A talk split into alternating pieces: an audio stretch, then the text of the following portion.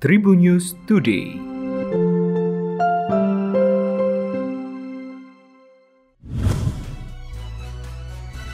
Tribun News Podcast kembali lagi seperti biasa menemani Anda dan kita awali dengan berita nasional.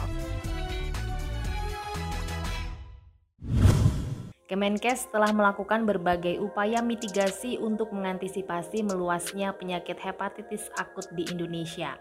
Sebagai informasi, dugaan kasus hepatitis akut di Indonesia dilaporkan mencapai 18 kasus.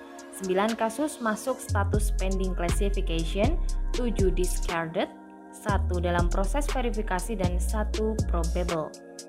Selain itu, Tribuners dari hasil investigasi kontak tidak ditemukan adanya penularan langsung dari manusia ke manusia.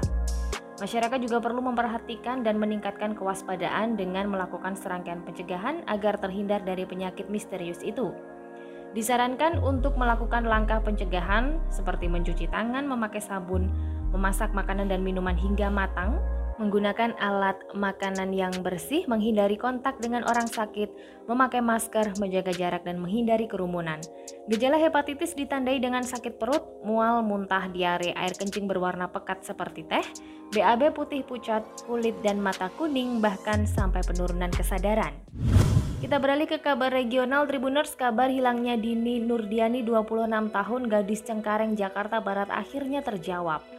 Perempuan yang sehari-hari sebagai petugas cleaning service itu ditemukan dalam keadaan tak bernyawa.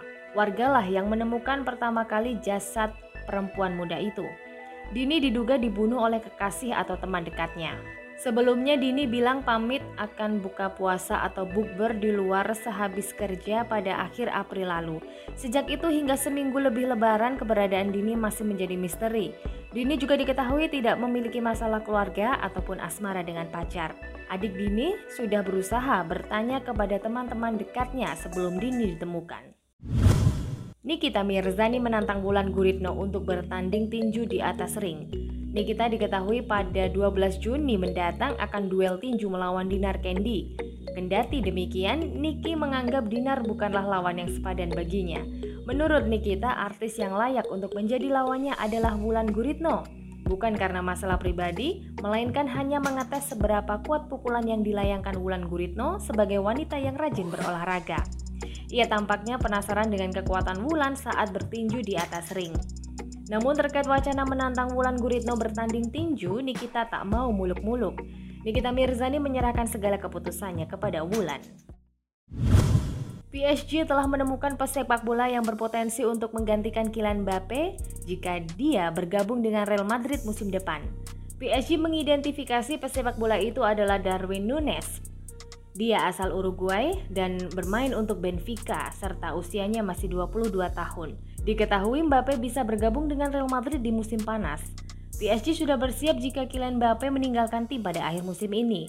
Munculnya Nunes selama beberapa tahun terakhir telah mendesak berbagai kekuatan Eropa seperti Barcelona, Atletico Madrid, MU, dan PSG untuk mengincarnya. Meskipun klausul pembeliannya ditetapkan pada 150 juta euro, namun Benfica tidak akan gampang memberikan striker mereka karena sadar bahwa dia adalah salah satu pemain yang paling dicari menjelang jendela transfer musim panas. Demikian informasi terkini dari Tribun News Podcast, saya Delta Gonzales. Sampai jumpa. Tribun News Today.